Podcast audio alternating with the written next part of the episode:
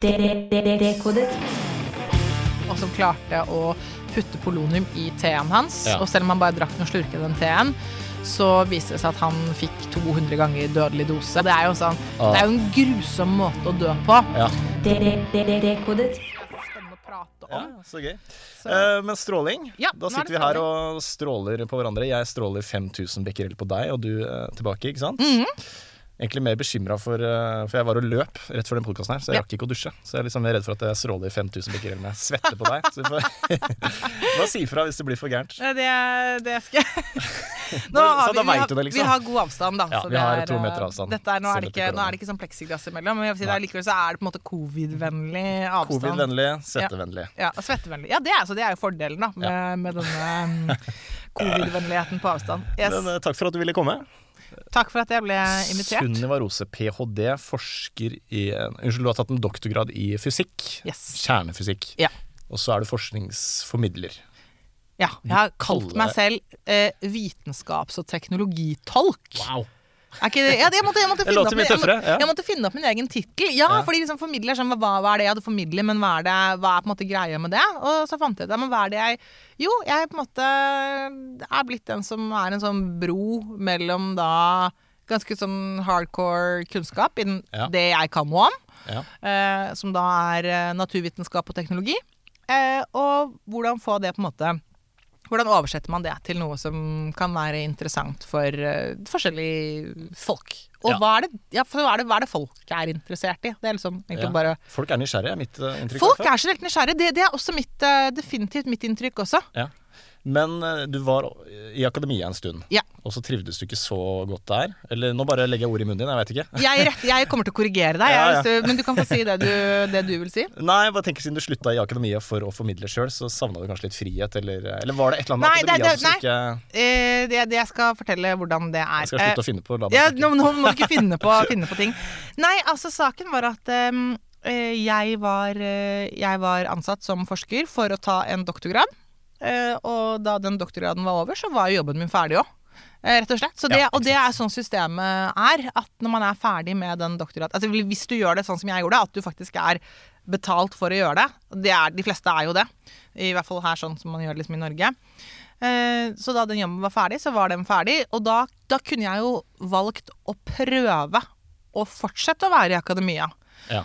Og det valgte jeg å ikke gjøre. Så jeg sluttet ikke, men jeg valgte å ikke gå videre. Og, og der er det en del ting som jeg Og det skriver jeg litt om i den eh, boken min 'Vi er stjernestøv' også. På en måte Utfordringer med det akademiske systemet. Eh, fordi hvis jeg eh, Hvis jeg skulle gått videre eh, i akademia, så, sånn som jeg ser det da, så ville jo det vært da for å på en måte prøve å nå målet om å bli professor. Da måtte det på en måte vært Ja. neste, neste mål. Som betyr at da er du på en måte Da er du 100 prosent fast ansatt som forsker og, og underviser eh, på universitetet. Men for å da komme dit, så er det på en måte en ganske sånn eh, lang rekke av midlertidige stillinger. Eh, og de Ja. fleste blir jo ikke professor. Og de midlertidige stillingene, som kalles for postdoc-stillinger, eller midlertidige forskerstillinger, eh, er litt sånn at de gir i stor grad ikke noe ekstra verdi for deg selv.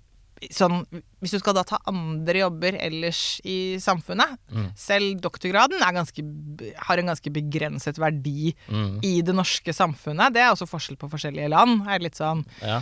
en med doktorgrad, det er jo en som har eh, Det høres jo helt rått ut, da. Men eh, ja, så, men, så, men, men, men det, er, det er litt sånn jeg føler det er sånn Ja, eh, det er et veldig gøy stempel å sette på. Så, så jeg har det jo liksom på LinkedIn-profilen min, så er jeg Sunniva Rose det Men det er også litt for å vise at jeg har liksom Har Ja. gått veldig dybden på noe her, da.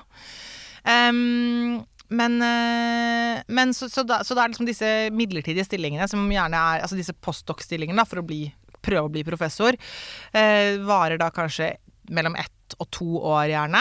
Eh, og da er det jo veldig sånn rotterace. Man Ja. publisher perish, så på en måte der er om å gjøre du Spisse albuer og spise- fram. pr- Og produsere forskning. Ja, ja. Produsere kunnskap. Okay. Jeg er ikke så glad i det, men det, men det er jo det er sånn det er. ikke sant? Ja, ja. Om å gjøre og da få publisert og på en måte Og mest mulig, og mest sånn eh, high impact eh, Ja, ja. artikler.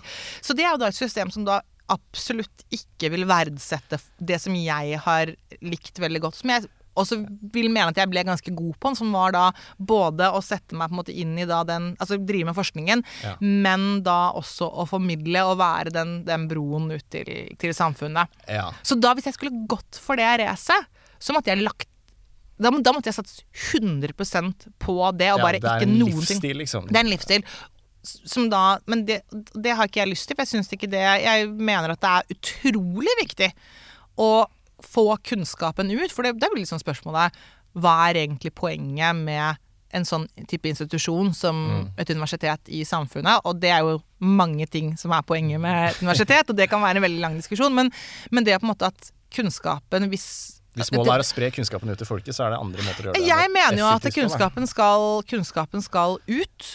Så, og så er det også denne delen som jeg skriver litt om og problematiserer, at eh, disse midlertidige stillingene er ikke bare midlertidige. Du skal gjerne være på en annen institusjon enn det Ja. universitetet du er på. Gjerne i utlandet. Så det, er, det legger opp til sånn nomadeliv. Sånn flytte ok, to år i Frankrike, ett år i USA, Ja, ja. så til Japan. Og hvis du bare hører det, tenker du ja, men det er jo kult da, flytte rundt i verden. Ja, ja. Ikke så kult når du da skal ha med partner og barn, Barn som skal brytes opp og ta rundt. Og hvis du da i tillegg har en moderne familie eh, Ja. med, med på en måte kanskje en barn med en partner du ikke er sammen med Det, det er faktisk ikke mulig å gjøre Nei, på en ordentlig måte. Så det er utfordringer i akademia, da. Jeg vet ikke hvor jeg fikk det fra at du hata akademia, men eh, Nei, jeg hater absolutt ikke akademia. Beklager jeg har elsket veldig mye av det, men jeg syns ikke det systemet er bra. Og jeg syns det er Jeg skulle på mange måter ønske at, eh, at det var annerledes, og at det kunne vært plass til At det kunne vært plass til en sånn som meg, da, som, Mm. som da ikke ville hatt de spisse albuene fordi jeg ville på en måte egentlig bruke halvparten av tiden min på å formidle kunnskap. Men som formidler så har du trives, ikke sant? Å stå Jeg elsker å være på scenen. Det, det gjør jeg. Altså, det, Fordi du kommer fra ballettverden. Nå kan vi dra inn den også. Ja! Det er jo helt perfekt. Og det, og det tror jeg, det, det tenkte jeg mye over egentlig. Det begynte, jeg begynte jo å blogge, da. Laget det som jeg kalte for en rosablogg om kjernefysikk og forskning og sånn. Den har ligget nå død i et år. Jeg kan hende jeg kommer til å live den opp igjen, det vet jeg ikke helt. Men akkurat nå så er det sånn foreløpig ligger i dvale. Men, eh, men da jeg begynte å blogge, det, det, det ledet jo da til plutselig at, eh, at jeg ble bedt om å skrive, skrive ting for aviser, foredrag, og liksom det, det startet på en måte alt. Og da, da kjente jeg på at det, Aha, men nå lander liksom alt i da, Fordi ja, jeg drømte jo om å bli ballettdanser da jeg var og, liksom, og det var med at jeg elsket å stå på scenen. Mm. Og den bloggen ble på en måte min egen sånn digitale eh, scene. Som Ja. selvfølgelig også har ført til at jeg har vært mye sånn faktisk på scenen. Men Ja. jeg, det å være på en podkast er jo også å være på scenen, tenker jeg. Og det, ja, jeg syns det er kjempegøy. Men det der valget når du bestemte deg for nei, det er ikke ballett jeg skal drive med, jeg skal bli eh, kjernefysiker. Var det sånn der som bare kom fra Var det sånn at du midt i en piruett så på stjernehimmelen og bare Ok, hva er meninga med livet, egentlig? hva er det egentlig jeg skal bruke livet på? Jeg tror vi alle stiller oss spørsmålet. Jeg tror jeg aldri har vært borti noen som som på ekte kan si at de aldri har stilt seg spørsmål hva er meningen med livet, Nei. hvor kommer vi fra, på et, på et eller annet vis. da.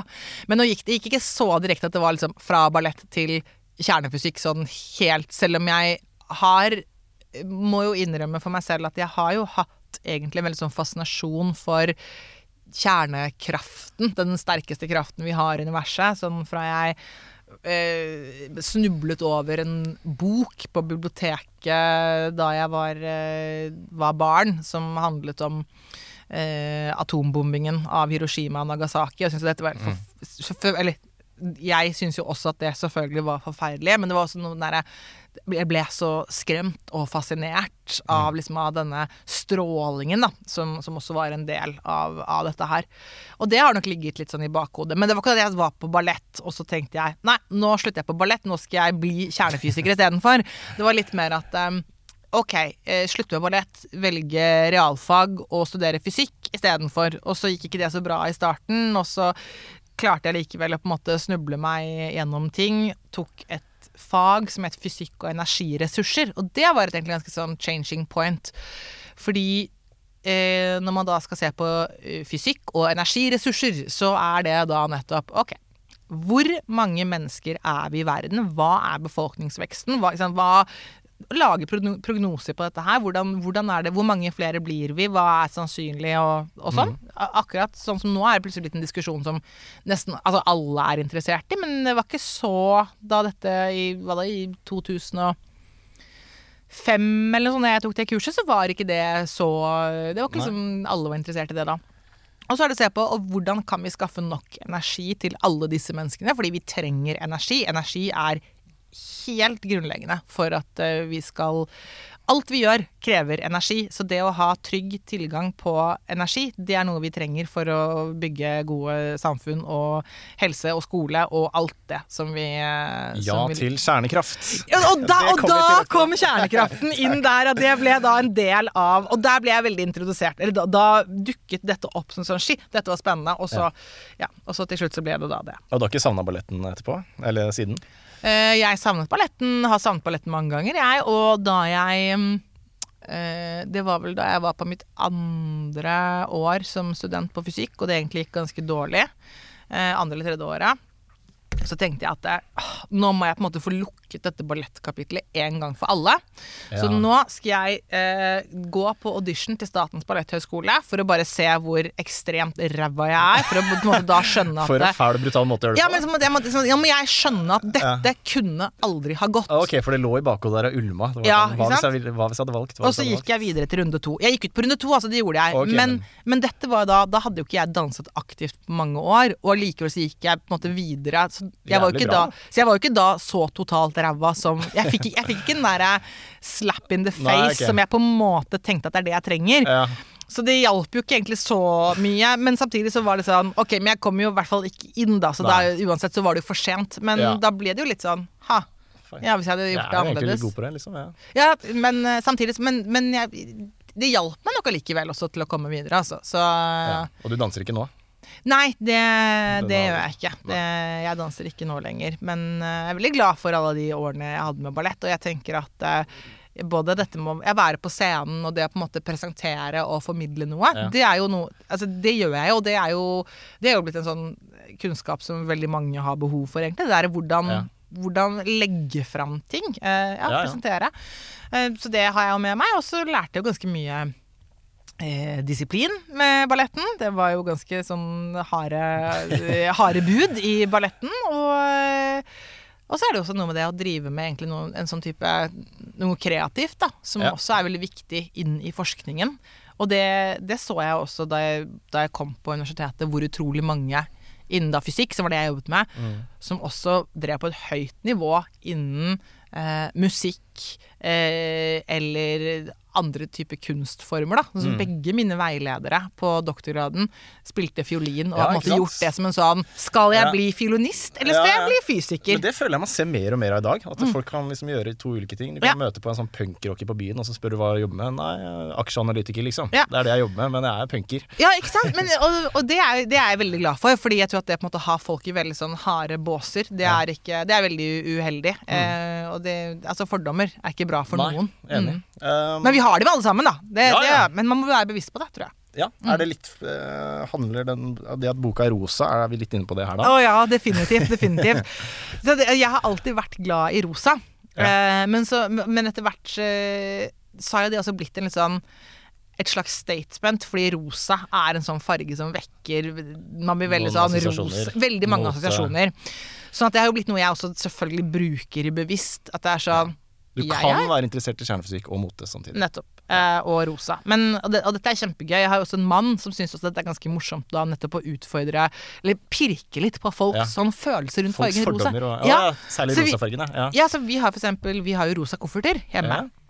Eh, det er riktignok jeg som har kanskje kjøpt inn de, men han, men han elsker jo Når han skal på tur med jobben, eh, skal på businessreise, så kommer jo han med sin rosa koffert. Og da, og da jo er jo alltid minst en annen mann, gjerne litt eldre, som kommer og sier 'Har du kona sin koffert?' Og da elsker han å spille dum. og sånn Nei, hva Hæ? mener du? Ja, hva mener du? Det, det, det, men, men det å være litt sånn naiv på Ja, sånne ja. type spørsmål, det, da må folk på en måte sette ord på sine egne fordommer, og det tror jeg egentlig er ganske nyttig, for det blir faktisk sånn øh, Den er rosa. Sant? Jeg, Ja, jeg, jeg ser jo når den kofferten kommer ut på rullebollen, jeg ser med en gang at det er min koffert. Du har svart koffert? Du må jo sjekke hver eneste koffert som går forbi, ikke sant? Min fordom var at når jeg så den boka, så jøss, er det riktig? Ja.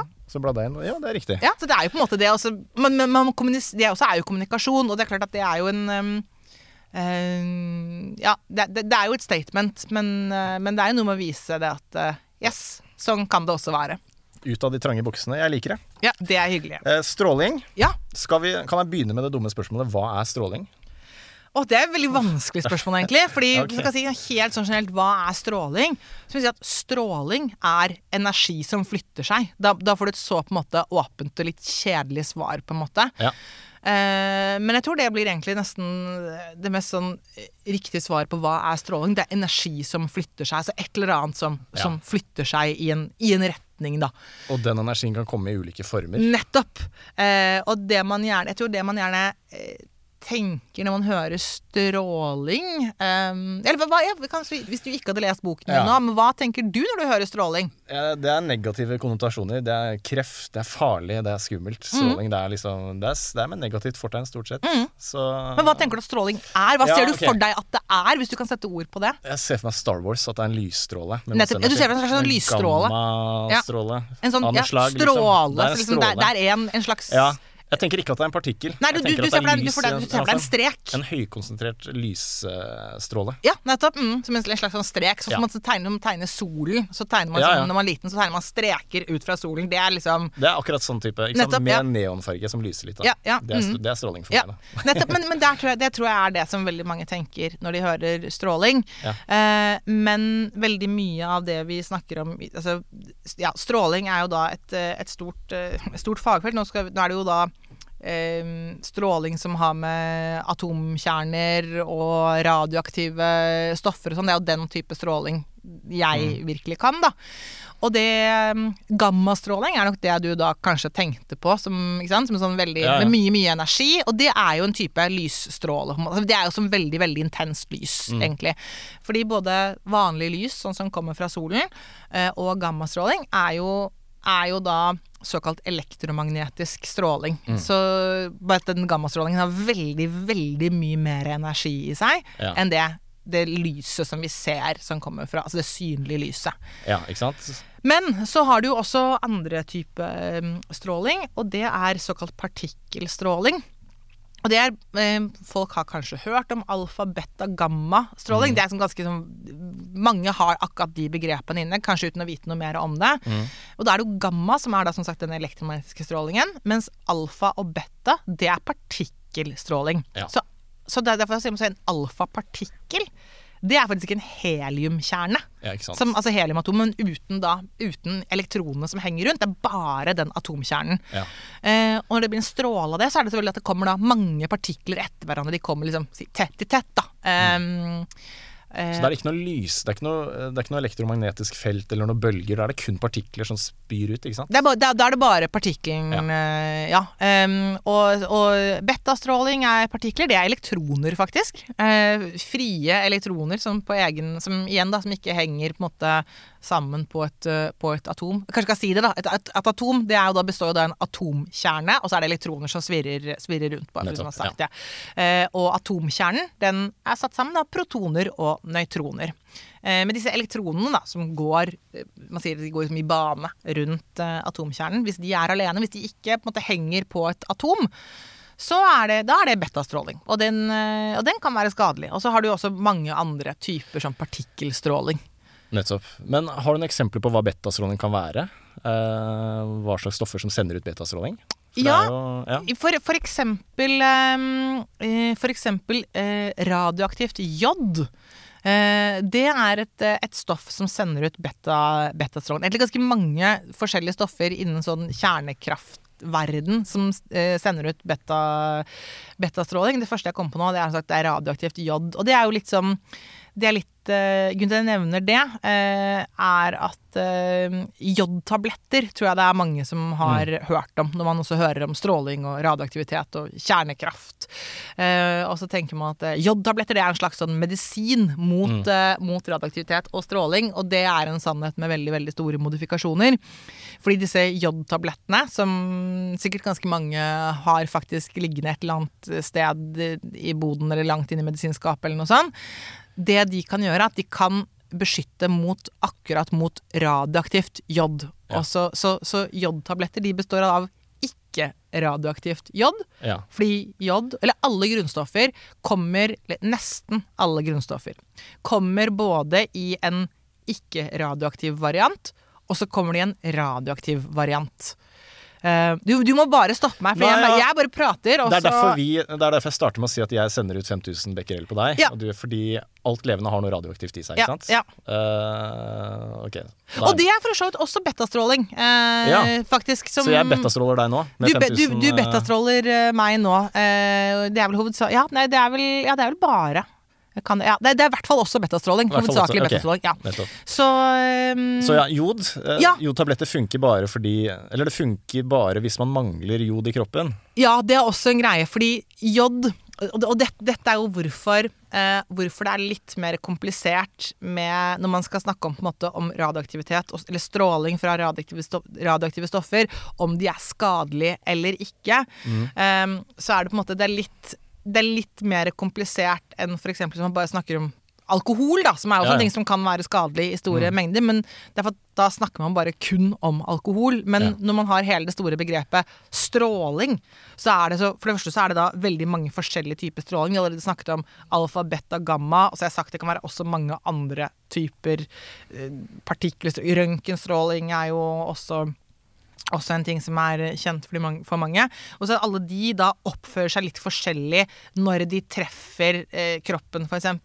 Og så kan de også ha veldig forskjellig energi. Em, og det er, er også avgjørende for om, det er, om du får en stor eller en liten stråledose. Så ja. Og så kommer da nå Jeg kommer tilbake til jod nå. Ja. Um, jod, og nå skal vi først snakke om da ikke-radioaktivt jod.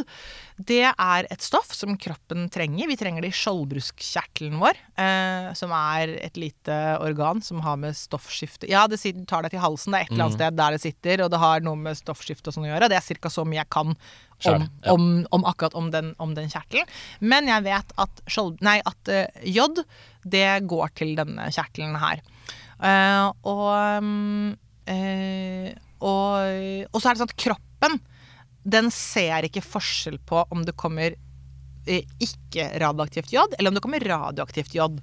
Så hvis, hvis du har en litt sånn mangel på jod i kroppen din, og så plutselig så blir du Og så kommer det, da. Eh, kommer det en sky av radioaktivt jod. Svevende fra Så Tsjernobyl. fra. Så ser jo kroppen din bare Yes! Her kommer det jod! Alt dette, jeg må ta opp alt dette jodet her.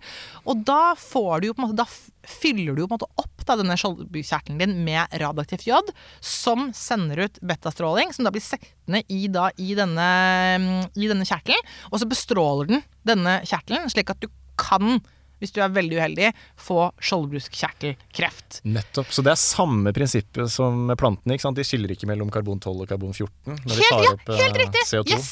Det er Kjempegodt eh, eksempel, for karbon 14 er kanskje litt mer kjent. Og det er jo da, ikke sant, Karbon 12 det er vanlig ikke-radioaktivt karbon. Ja. Karbon er karbon, liksom. Få det inn. ikke sant? Og karbon 14 de er radioaktivt karbon, men plantene skiller absolutt ikke mellom de to i det hele tatt. Og det er jo derfor da alt som Alt levende eh, består da eh, av eh, av en liten andel med karbon 14, og derfor kan man gjøre såkalt karbon 14-datering av alt organisk materiale. da, Mennesker eller trær eller hva som helst. Så hvis et kjernekraftverk bare eksploderer, og så sier myndighetene 'spis jodtabletter', så handler det om å fylle opp lagrene sånn at det er fullt, sånn at ikke radioaktivt jod kan ta den ledige plassen. Helt riktig! Det, Wow! det du da vil gjøre, det er, he, det er helt riktig. Jeg har lest boka di, skjønner Ja, du, du har ikke bare lest den, du har ja. tydeligvis tatt ting til deg også. Den har ikke bare gått rett gjennom hodet.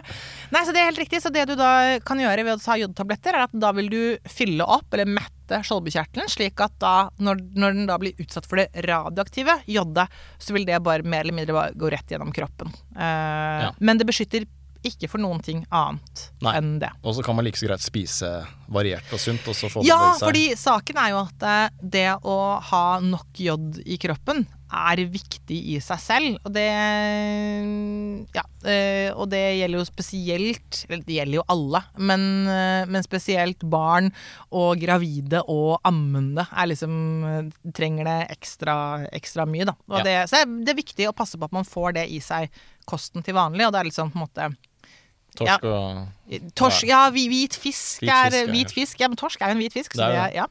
så det, er, det er en kilde. Melk eh, er, eh, har vært en ganske god kilde. Jeg har ikke full kontroll på overalt man finner jod nå, men det er i hvert fall hvis, Og hvis du har et, måte, et vanlig variert kosthold, så har du nok, nok jod i kosten din. Men hvis man da begynner å på en måte ha en spesialkost, og det kan være mange måter man kan ha spesialkost på eh, hvor- Fedon, det kan være det kan være veganer, det kan være mye forskjellig. Så er det bare eh, Det som er viktig, og det gjelder jo ikke bare for jod, det gjelder jo alle typer stoffer. Med en gang man begynner å kutte ut på en måte, store grupper med mat fra kosten sin, så er det litt viktig at du bare vet hva du gjør. Mm. Um, så på en måte, hvis du gjør det helt naivt og tenker f.eks. nå skal jeg uh, bli vegan. Eh, og det gjør jeg ikke uten å ha noe mer kunnskap om det. Jeg bare kutter ut absolutt alle animalske produkter. Da er det ikke sikkert det er så sunt. Da kan du f.eks. få mangel på jod. Men selvfølgelig, dette er ikke en eh, tale mot eh, vegansk kosthold, men man må vite litt hva man Hva gjør. man. Ja. Men må ikke gravide ta jodtabletter uansett? Eh, ja, så det er, jo, det er jo ekstra mye eh, fokus på det med, med jod, spesielt i starten av svangerskapet for, eh, for gravide. At man tar eh, jod det, Men det, det er en annen type jodtabletter. Ja. Eh, det er veldig mye mindre mengde i den type tilskudd Ja, ja. som man tar spesielt av de første, de første trimest, altså de første tolv ukene av, av svangerskapet. Så det er, og det er også en ting som da, når folk bare hører er det sånn, men er ikke det, er ikke det samme greie? Ja. Eh, og faktisk, nå kom jeg på en historie også, en som var gravid, som hadde vært på apoteket og spurt et jodtilskudd for, for gravide, som faktisk ble solgt av jodtabletter. Er, du skal ikke ta jodtabletter eh, med mindre det faktisk er en type Det er liksom Det er, det er altfor mye sånn i Ja. en vanlig ja, setting. Så det er veldig stor forskjell på, på Tsjernobyl og det å bli gravid. ja, det, det er forskjell på det, og det er veldig stor forskjell på da mengden jod i Ja. det, altså, disse jodtablettene vi snakker om, kontra et tilskudd med Ja, jod i seg. Hun fikk jo sikkert overdose, da.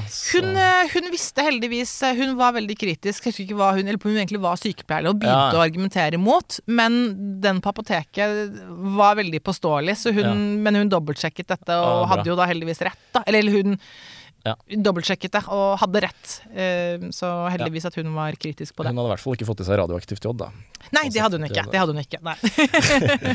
Ok, bra. Da har vi gått gjennom eh, alfastråling, betastråling, gammastråling, eh, røntgenstråling. Jeg nevnte det bare så vidt. Du nevnte det så vidt. Eh, Det fins. Det fins. Det har jo revolusjonert medisinen. Ja. Tilbake til 1800-tallet eller et eller annet sånt. Slutten av 1800-tallet, ja. Slutten av Det 1800-tallet. var vel 1895. at De var veldig glad i å kalle opp oppdagelser etter seg sjøl, de der gamle Er det liksom praksis i det, det, det er vi som har gjort det. Er det det, ja, ja, det heter jo, forskerne? og det heter jo altså, Røntgen kalte det jo for eh, altså, han, Aller først så var det bare sånn Dette er ukjent stråling. Ok. Så han kalte Og den vanlige ukjente, hva er bokstaven for vanlig ukjent i matte? Det er X.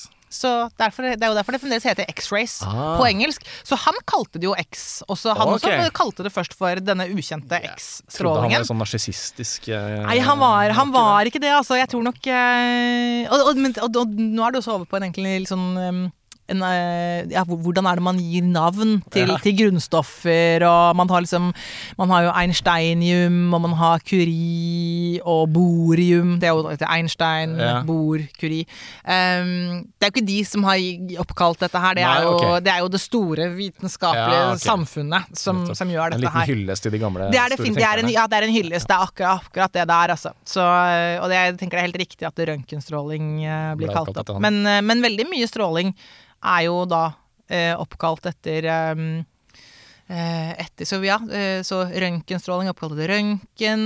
Eh, Becquerel, som du nevnte, er oppkalt etter han som oppdaget radioaktivitet. Eh, Henri Becquerel. Henri. Eh, Sivert, som er måleenheten for stråledose, er oppkalt etter Nå husker jeg ikke fornavnet, men også fysikeren Sivert. Så ja, ja. Mm. Men de gjorde ikke det selv. Nei. Nei, ok, det kom etterpå. Det kom etterpå. ja Ok, Men la oss ta røntgen, da. For Ja. han, han oppdaga røntgen ved et uhell eller et eller annet sånt. Ja. Han eh, endte i hvert fall med at han klarte å skanne hånda si og se skjelettet sitt, og så Ja. Og det var vel starten da på Ja, hva var det starten på? Ja, altså eh, Han trodde jo da han drev og eksperimenterte altså, Og det gjorde alle Det var ikke bare han som drev og på en måte eksperimenterte med, med sånn som han gjorde. Men um, han på en måte kjente igjen da, at han hadde gjort en oppdagelse. Det var liksom her er det, noe, her er det noe som ikke er riktig, eller her er det noe som er annerledes enn det jeg tror det skal være. Og det er jo da eh, Det å på en måte kjenne igjen en oppdagelse er jo også en viktig del av å drive Ja, ja. Med, med forskning. Eh, og så til slutt så fikk han jo da sett eh, gjennom hånden sin, da. Eh, Og jeg må si, jeg har tenkt liksom Hva tenkte han da? What the fuck? Ja, men, ja, men tenk på det, ikke sant? Dette her er slutten av 1800-tallet. Det er Ja, De veit kanskje ikke hva stråling er? Eller hadde de noe, begrep Nei, det hadde de vel heller, det hadde de vel heller ikke. Nå skal jeg være litt forsiktig Ja, nå er jeg over i historien, da. Ja, eh, historien. Så, så vidt jeg vet, så hadde de jo ikke, de hadde ikke jo ikke det. Eller, altså, jo, de visste jo om lys, lys og Men dette Ja. hadde de jo ikke noen idé om. Og den eneste måten de kunne se inn i kroppen på på den tiden, det var jo å skjære den opp. Ja. Ikke sant? Det var jo ikke noe hyggelig heller på slutten av 1800-tallet. Hvis du tenker på en måte både eh, både hygiene og anestesi, så var vel ingen av delene sånn kjempe kjempetipp topp. Så, ser han- så ser han sitt eget skjelett. Eh, og, mm, og det er klart når han da gjør Og det er et veldig veldig kjent, um, kjent bilde. uh, nettopp det. Det er vel Ja. ikke hans hånd, det er kona sin hånd, da, som hvor du ser da Du ser skjelettet, og så ser du gifteringen på Å, Så det er veldig kult. Det, det, det er vel mulig det er verdens første røntgenbilde Ja. som liksom blitt tatt. Det ble jo da Det gikk jo i rekordfart, selvfølgelig, at man da så at dette Her er det bruksområder. her er det bruksområder. Eh, nå husker jeg ikke hvor fort, det er snakk om noen måneder. Oi, såpass, ja. Fra det Ja. første gang ble gjort, til det ble brukt på både på slagmarken med soldater som var blitt, eh, var blitt beskutt og i, kom inn på sykehusene. Så det Rå oppdagelse. Og ja, helt rå rå oppdagelse. Og røntgenstråling er jo noe alle har et forhold til. Ja. De, og de fleste er klar over at de har et forhold til det også, fordi vi tar røntgenbilder når vi er hos tannlegen. Eh, når vi skal ta fly, så er det røntgenstråling, som vi kan se gjennom Bagasjen, gjennom, ba- gjennom bagasjen. Så jeg vet ikke hvor mange millioner collie som blir gjennomlyst hver eneste dag. Og hver eneste dag så vil jeg også tro at det er ganske mye som blir plukket ut av disse bagasjene, som Mm. ikke skal være med deg. Så det gjør det jo trygt Ja. eh, å fly. Så vi bruker røntgen til å se, men det er også røntgen, jo, også røntgen vi bruker i kreftbehandling, ikke sant? Ja, det er helt riktig. Så veldig mye så, og, og så er det sånn Wow, men eh, hvordan er det da greit å ta et tannlegebilde og liksom Ja. ikke dette veldig mye? Og da er vi over i det så vidt nevnte, at én ting er på en måte at det er forskjellig type stråling som oppfører seg på forskjellig måte, men så er det også viktig da hvilken energi har den strålingen. Så vi bruker røntgenstrålen til å ta et røntgenbilde hos tannlegen. Da er det veldig lav energi, veldig lav energi på den strålingen, som gjør at den stråledosen du får, den er veldig, veldig lav. Det er ikke noe å tenke på i det hele tatt. Eh, den du bruker til å gjennomlyse bagasjen med, er også kjempelav stråling, og det, er, og det er også inni der en maskin, da, sånn at det, liksom, det er ikke noe farlig for de som sitter rundt der heller, for de er skjermet. Eh, men når du da skal bruke det til kreftbehandling, så bruker du selvfølgelig da eh, Eller da vil du bruke røntgenstråling med veldig høy energi. Fordi da skal du gå inn for å drepe kreftceller. Det er jo hele poenget. Sånn at eh, hvis du har høy nok energi, og da eh, kroppens celler da, eh, blir utsatt for stråling med høy nok energi, så vil det kunne drepe. Eh, ta, ta livet av disse, disse kreftcellene. Det er det man ønsker. Um, Er du da nesten over i gammastråling? For det er jo på samme spekter, ikke sant? det er på samme spekteret. Nå er det eh, man, sånn generelt, da, Hvis du tegner på dette såkalte elektromagnetiske spekteret, som er en sånn, liksom, en, en, eh, en sånn oversikt som starter med radiobølger på den ene siden, veldig, veldig lav energi. Også på den andre siden, hvis du ser da for deg en strek, så i ene enden av den streken så er det radiobølger. Andre enden av den streken så har du gammastråling, som da det med mest energi. Og så rett ved siden av eh, ved siden av gammastråling så har du røntgenstråling. Men eh, du, kan, du kan helt fint ha røntgenstråling med like høy energi som gammastråling. Oh, ja, du kan egentlig. det? Ja, du Ja. kan det. Eh, så det er også, her er det også forskjellen på at røntgenstråling, den, eh, den lager vi eh, Eller den kan vi lage, da. Vi kan ikke lage gammastråling, men Nei. vi kan lage røntgenstråling. Nettopp. Mm. Apropos elektromagnet. jeg syns det er jævlig fascinerende at uh, mennesket, Homo sapiens, at vi har klart å liksom utnytte hele spekteret Ja. av elektromagnetisk Ja, det er veldig gøy, faktisk. Radiobil, eh, radiobølger sender lyd og film over, gjennom lufta. Alle signaler. Altså, Alle signaler. Ja. Liksom, ja. Uh, infrarød stråling, se i mørket. Ja. Mikrobølger, varme opp maten. Lys. Alt mulig rart. Ja. UV, hva er det? Eh, UV-stråling er kommer jo fra solen, i tillegg, Ja, til, i tillegg til eh, synlig lys. Det gir oss i hvert fall D-vitamin. Eh, D-vitamin. Ja. Og så er det sånn desinfiserende eller Ja, steriliserende, det, det kan du også. Ja, man kan sterilisere ting med, med UV-stråling. Absolutt. Det var, den tenkte ikke jeg på, men det er Ja. jo en viktig, viktig ting, ja. Det bruker man egentlig ganske sånn Da vil jeg også anta at det har da med at det er forskjellig energi på, på UV-strålingen. Ja, ikke sant. Men nå, nå, nå fabler jeg litt. Nå er jeg litt sånn Ja, jeg også. Men så røntgen, og så gamma. Det er ikke noe flere da? Det er fra radio. Men fra radiobølger til gamma så har vi utnytta hele spekteret. Ja. Og vi bruker det til et eller annet. Ja.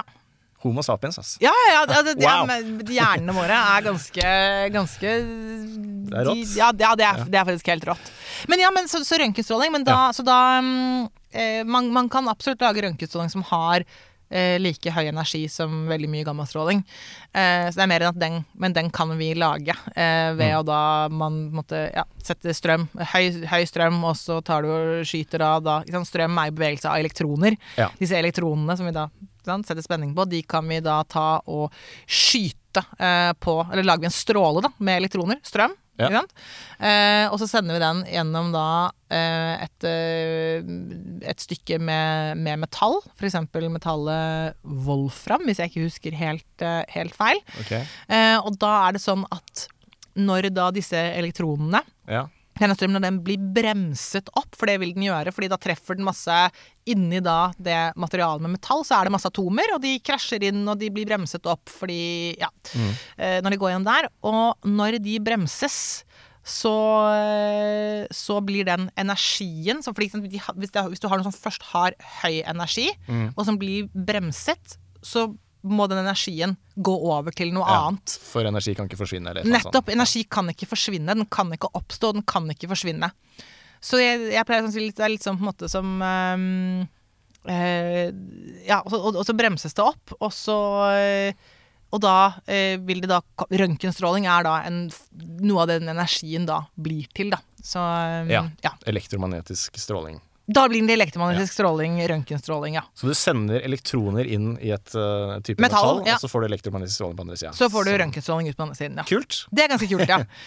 Fascinerende. Okay, så da har Og da kan vi drepe kreftceller. Da kan vi drepe det. kreftceller. Mm. Uh, da har vi tatt for oss røntgen, og så har du da andre måter Eller mulig, mulig jeg blander litt her, men altså Radiumhospitalet. Mm. Det navnet har jeg sagt hele livet uten å tenke over hva det betyr. Bare Ja. sånn, Så, ah, radium, selvfølgelig, når du forklarte det i boka. Mm. Eh, men det var jo også Norges første kreftbehandlende sykehus. Yes, det var det. Og da var det ikke røntgenstråling. Da var det Da, da var var det- gamma. Da var det gamma, ja. Ja. Nettopp. Fra radium. Ja, men kan si, så, men røntgenstråling okay. og gammastråling det oppfører det, det er på en måte Nå har du sagt det mange ganger, det er elektromagnetisk stråling, begge deler. Ja. Så den, og, den, og den har høy energi, veldig høy energi, så både røntgenstråling og gammastråling oppfører seg likt i kroppen. Så sånn sett så Ja. kan du på en måte Du kan bruke gammastråling og røntgenstråling. Det er liksom litt sånn hipp som happ. Mm. Kan brukes Vil på en måte vil. Ja. eh, gjøre de samme tingene hvis det har samme energi. Ja. Eh, Så man starta med eh, gammastråling og radium, da. Ja, så, så radium er et eh, veldig radioaktivt materiale som, eh, som sender ut gammastråling. Og så sa jeg også litt tidligere nå, så sa jeg at eh, Først sa jeg alle grunnstoffer har en eh, ikke-radioaktiv en radioaktiv utgave, og så korrigerte jeg meg til å si at nesten alle grunnstoffer har det.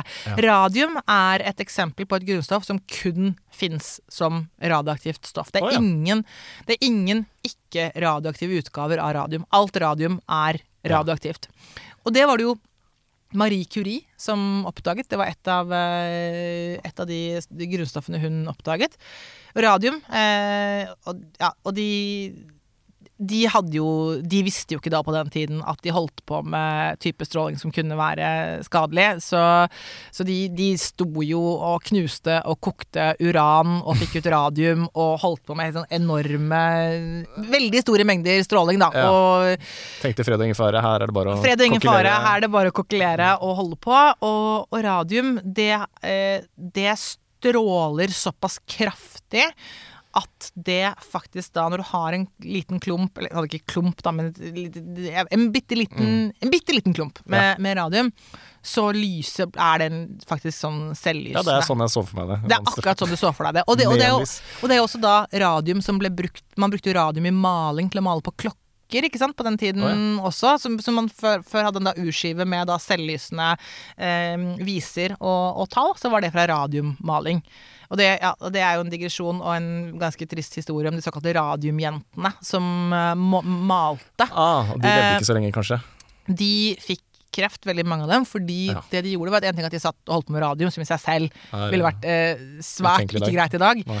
Men de skulle da male. De satt jo med pensel og skulle Ja. male på klokke. Så, og hvordan får du, hva gjør du for å få en veldig spiss og fin pensel? Du slikker på den. Å ja, selvfølgelig. Så det var ja. Så de, satt jo, de visste jo ikke at dette var Nei. ja, selvlysende maling. Fint, liksom. Eh, tragisk. så de fikk en veldig spesiell type kreft i munnhulen. Så Ja, akkurat eh, Hvor lenge levde de, da? Ja? Vet du det- det, den, denne Ja. historien kom jeg på, den har jeg ikke skrevet i boken. Det er en veldig spennende eller, og, og trist historie, da. I, i den, jeg, husker ikke dette her, men jeg vet at det gjaldt mange av de såkalte Så kan, altså, Søk på Radium Girls, så vil jeg okay. tro at det, da får du opp mye om dette Ja. her. Men de fikk som sagt en veldig spesiell krefttype. Som var, det var veldig tydelig at dette her kom Ja. fra dette her. Og, og dette er jo lenge siden, men det ble Jeg mener at det også ble søksmål, eh, og dette var i USA. eh, Og at det først var sånn Nei, nei, nei, dette er ikke noe vi har noe med, men de faktisk vant da at det var Ja. liksom Dette De er De begynte å skjønne at her er det kanskje noe Dette som er Dette er helt tydelig. Dette Ja. her er ikke tilfeldig. Dette er faktisk ikke tilfeldig. Men, eh, men ja, tilbake til Marie Curie og radium. Det var hun som da oppkalte det.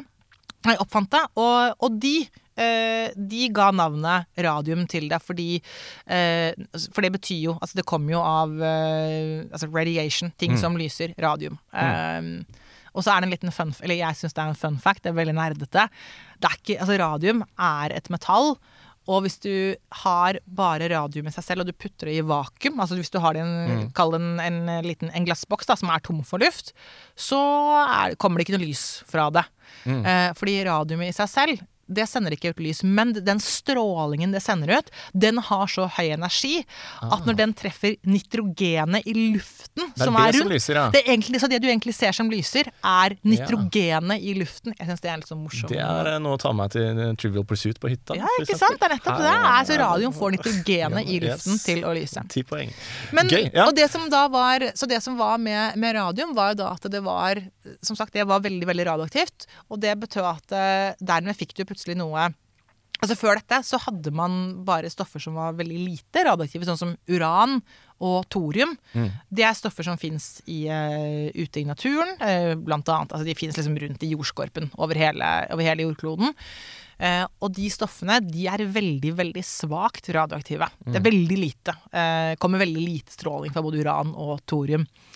Men da de fikk radium, så hadde de plutselig da et stoff som var veldig, veldig konsentrert på stråling. Og da kunne man begynne å bruke dette her til, til noe. Og da begynte de ganske raskt jeg, på en måte begynte å eksperimentere med å legge det på, øh, altså på huden rundt om ting for å da prøve å kurere kreft. Og øh, jeg kan ikke hele historien om dette. Jeg vil anta det ble en del, man fikk litt brannsår og sånn, men at det, det begynte nok Man så nok at det også hjalp, da. At her var det et eller annet. Ja. Og da var det jo da den norske kjernekjemikeren Ellen Gleditsch, som, eh, som klarte å Så nei, nå drar jeg den over på Norge igjen. Eh, hun, eh, hun fikk jo jobbe hos Marie Curie. Hun, mm. hun overtalte Marie Curie til å la seg jobbe.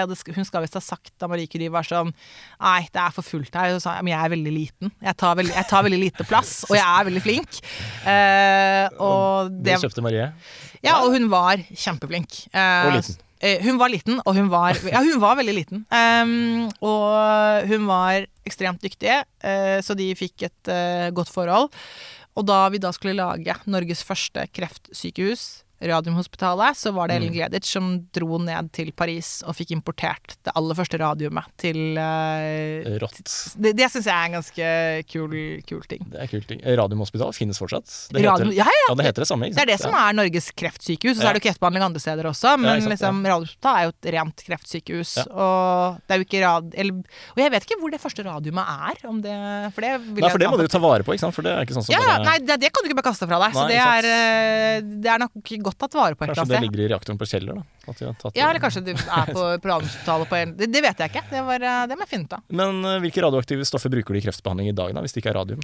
Eller sa du det, sa? Eller? Nei, det er røntgenstråling. Røntgenstråling Ja, er det man bruker. Ja, mm, altså, i, dag så bruker man jo da heller eh, Du vil jo helst ha eh, bedre å ha noe som man på en måte kan produsere der og da. Eh, Også fordi det er sånn med en gang du da skrur av strømmen, så er det slutt, da. Ja. Akkurat som når du er hos tannlegen, og, Ja, og, liksom, og så går tannlegen ut, trykker på en knapp, og det er akkurat da så produseres den røntgenstrålingen, og han da Slipper han å ha den uranklumpen i rommet? Veldig dumt å på en måte ha liksom? det hele tiden, som bare, for det fortsetter jo å sende ut stråling hele tiden. Så det er veldig mye mer praktisk, og selvfølgelig da, og da kan du justere nøyaktig liksom, Nå er det denne energien vi skal ha, og det vil jo eh, Nå har jo ikke jeg drevet eh, med eh, stråleterapi, men jeg er ganske sikker på at man da vil jo da altså, eller Jeg vet jo man gjør da beregninger på hvor, hvor i kroppen er det denne svulsten ligger hen. Er, liksom, er det noe som er langt opp Mm. mot huden? Er det dypt inn i kroppen? Det vil da være forskjell på liksom, hvor mye energi skal du ha på den strålingen som treffer og sånn. Og det kan man jo da justere da. Med det- ja. med, med strømmen. Med ja. Det er jo- ja. det er jo da strømmen du setter på, som da bestemmer hvor kraftig røntgenstrålingen blir. Nettopp. Så det er ganske mye mer praktisk enn Litt noe sånn eh, Her har vi radium, denne klumpen. Det er, eh, det er sånn det er. Forresten, da kaster den radiumen når det går ut. så jeg- Ja.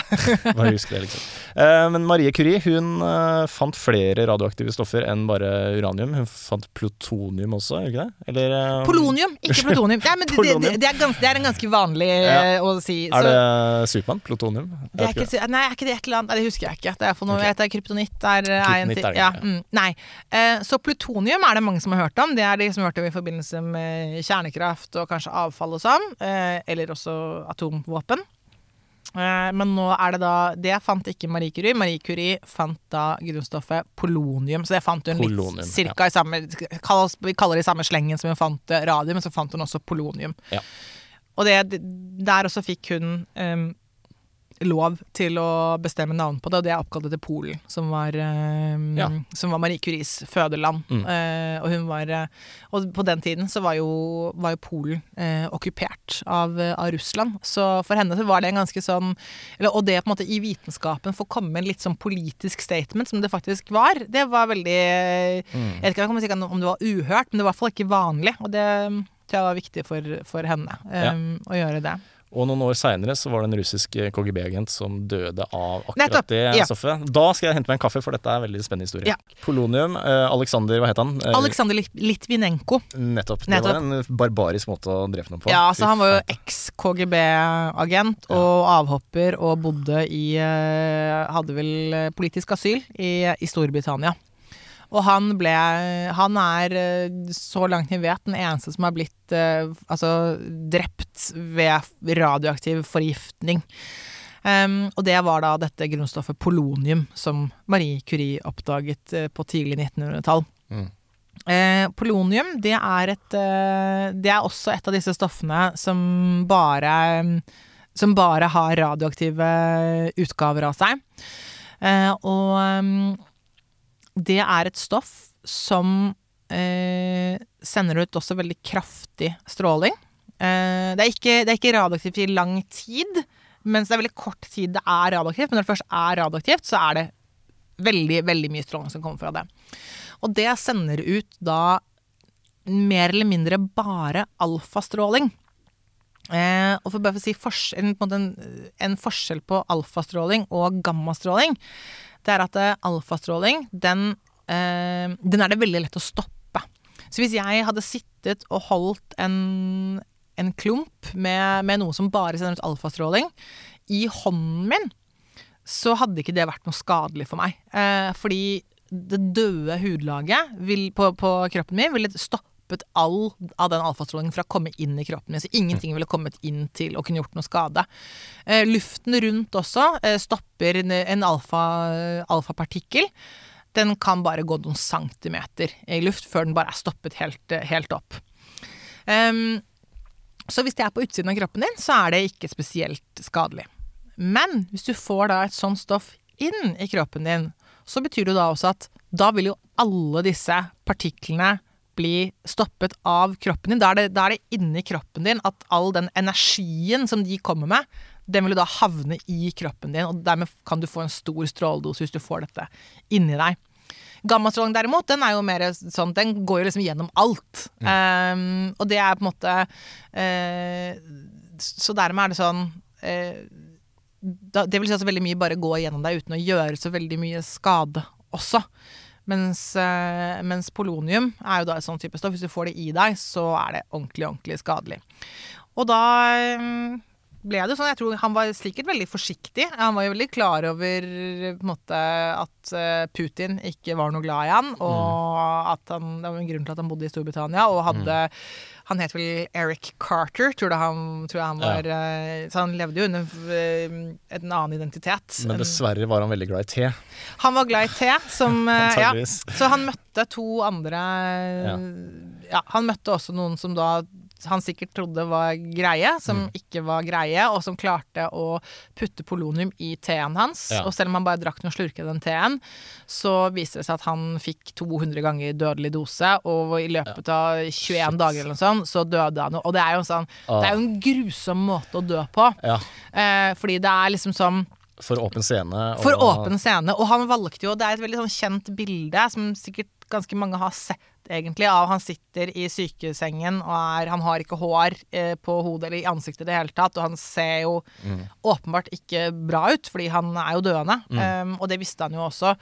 Men han ønsket jo at det bildet skulle bli spredt, så jeg vil at verden skal uh, Se hva de har gjort mot meg, liksom. gjort mot Ja. meg. Mm. Men de har vel aldri innrømma det, er det det? Nei, det tror jeg ikke. Det tok ikke det så det var eh, så Det er vel kanskje litt sånn der man på en måte har eh, Der IS og Al Qaida gjerne sier ja, det var vi som Yes. gjorde det, så Så er det bare sånn alle vet, men ingen uh, Ja, det er vel mer, mer den uh, Ja, i hvert fall den Da ser du hva som skjer hvis du kødder med Ja.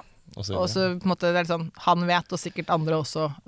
Ja, Ja. Nå skal ikke jeg påstå selvfølgelig hvordan, men han var, eh, han var helt sikker på Aleksandr Litvinenko var helt sikker selv Ja. på at dette var det, var det Putin som sto bak. Eh, og det er vel også noen uttalelser fra også etterforskning i Scotland Yard at eh, dette Mest sannsynlig. Ja.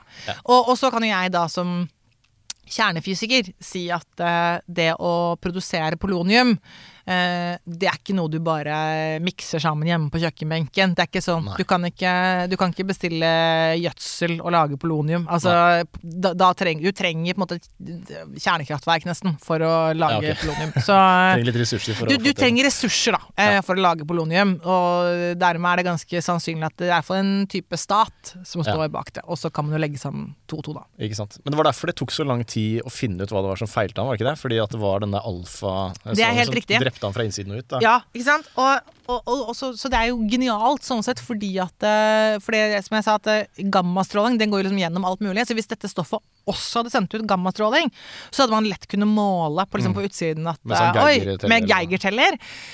Eh, og de begynte jo sånn altså, Helt i starten så ante de jo ingenting om hva det var som, det var som feilte han. Og så, først så visste de jo heller ikke at han var, eh, var en, eh, levde i asyl og var fra Russland. Og, og med en gang de fikk vite det, så begynte de å mistenke at han kanskje var blitt forgiftet av et eller annet.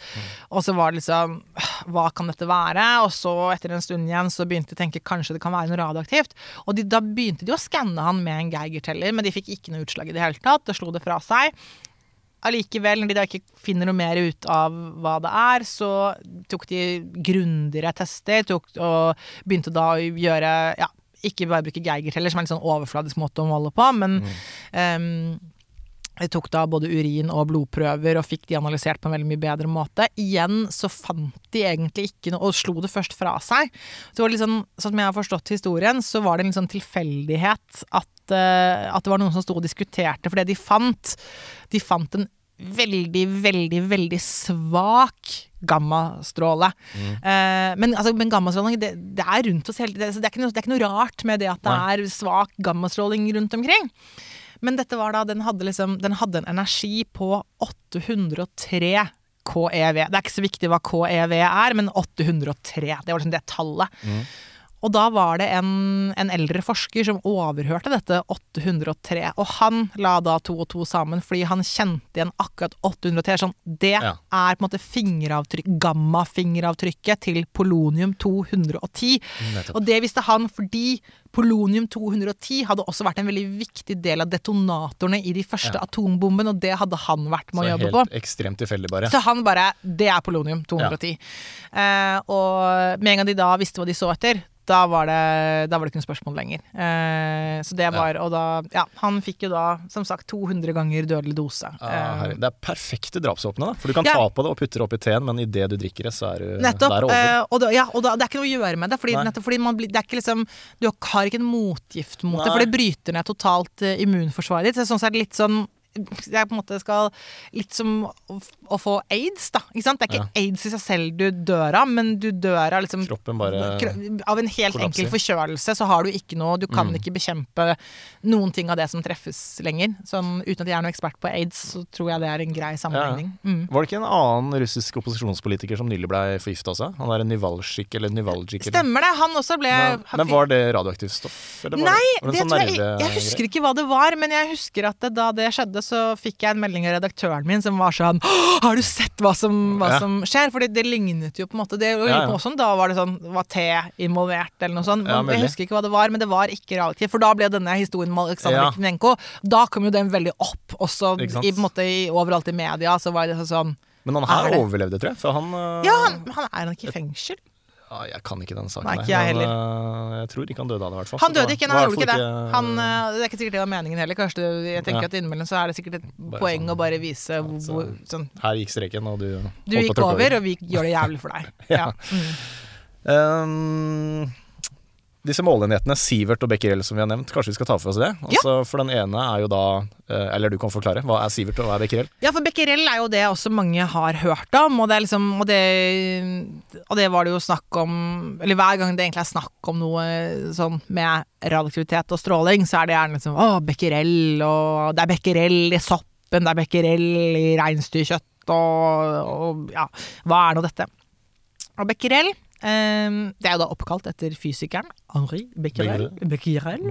Eh, som Han oppdaget jo radioaktivitet sammen med Marie og Pierre Curie. Uh, Ja. De var gift um, i 1896. Det var året etter at de hadde oppdaget da røntgenstråling. Så da gikk det ganske sånn slag i slag da de først hadde gjort den første oppdagelsen.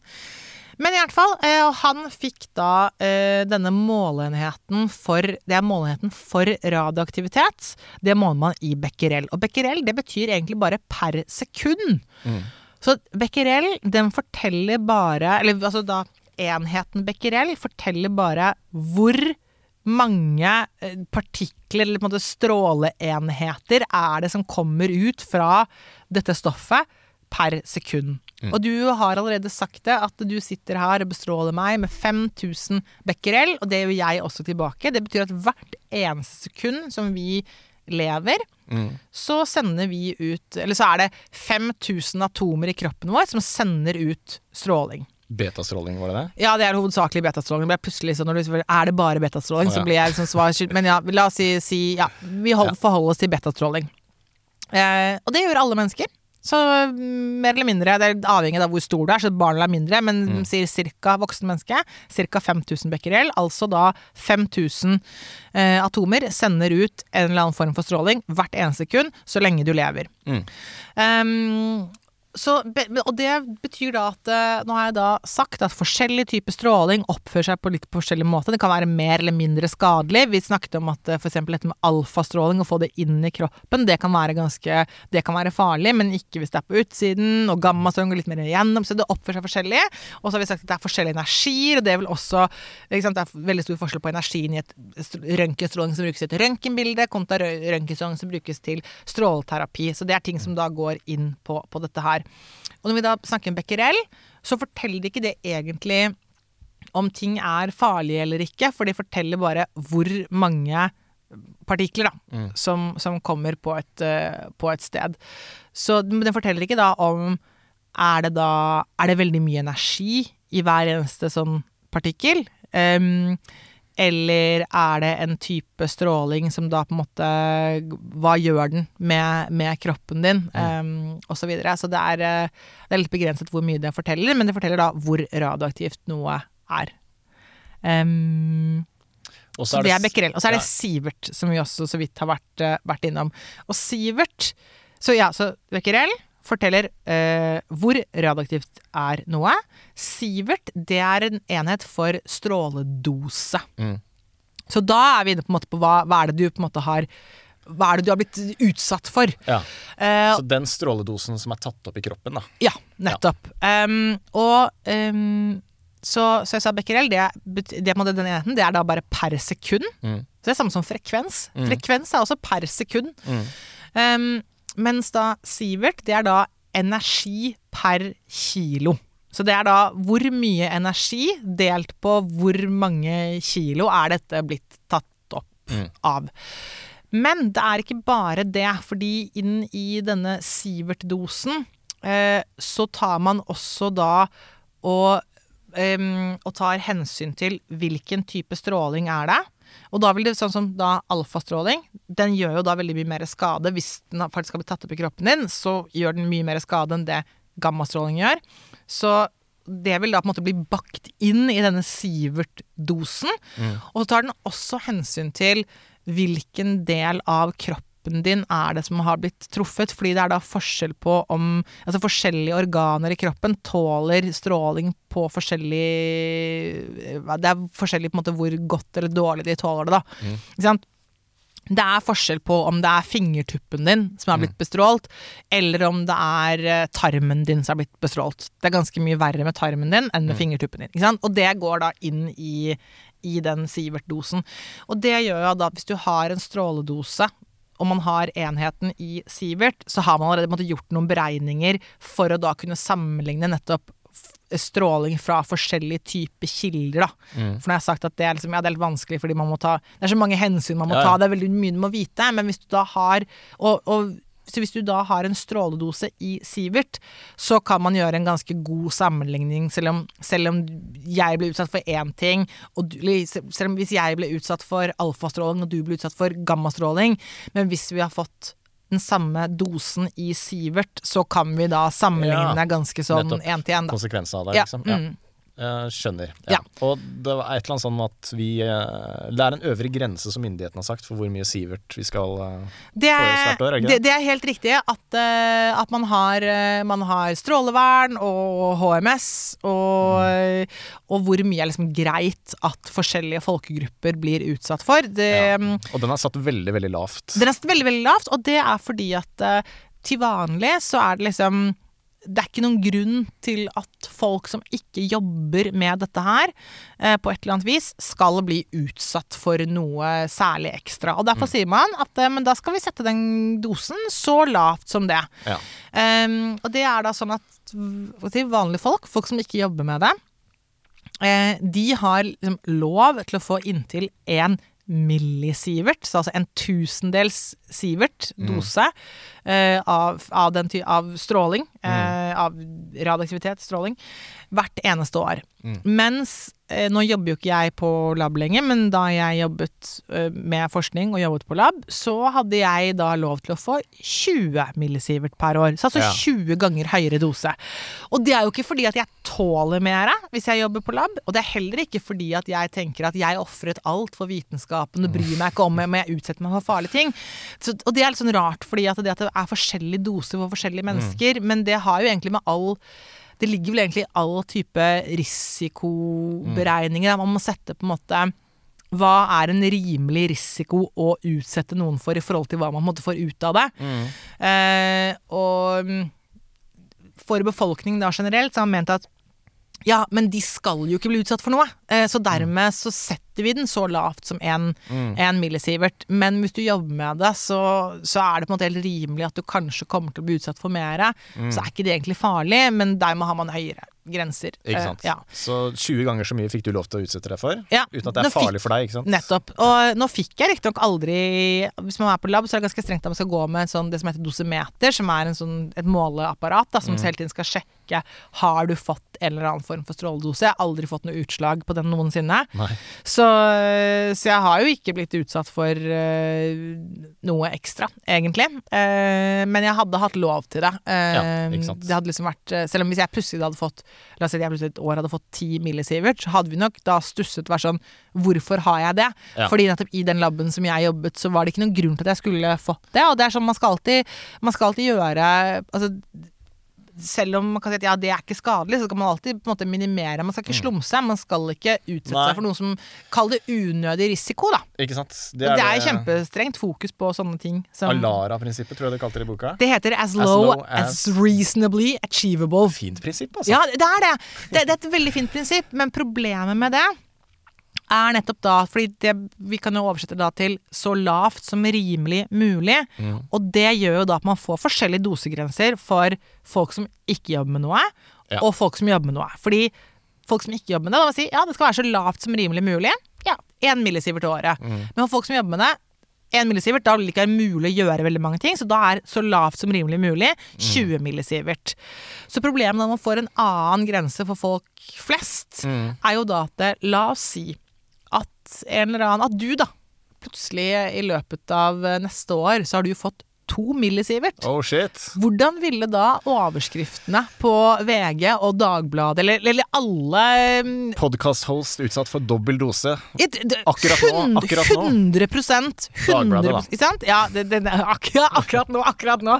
I svart og Ja, ja. akkurat nå. Klikk her. Ja, um, og, ikke sant? Og, og, og så er det sånn, allikevel, allikevel så er jo det igjen da bare en tidel Ja. av jeg kunne blitt utsatt for, uten at det ville vært en, Ja, ja. Liksom, noe å løfte et, øye, altså et øyebryn en gang av. Det er lett å lage tabloide overskrifter av det der. Ja, og, og, det, og det var jo et problem faktisk da Tsjernobyl-ulykken skjedde, fordi da hadde man alle disse dosegrensene som var så lavt som rimelig mulig. Mm. Og det var, det var helt fint, det.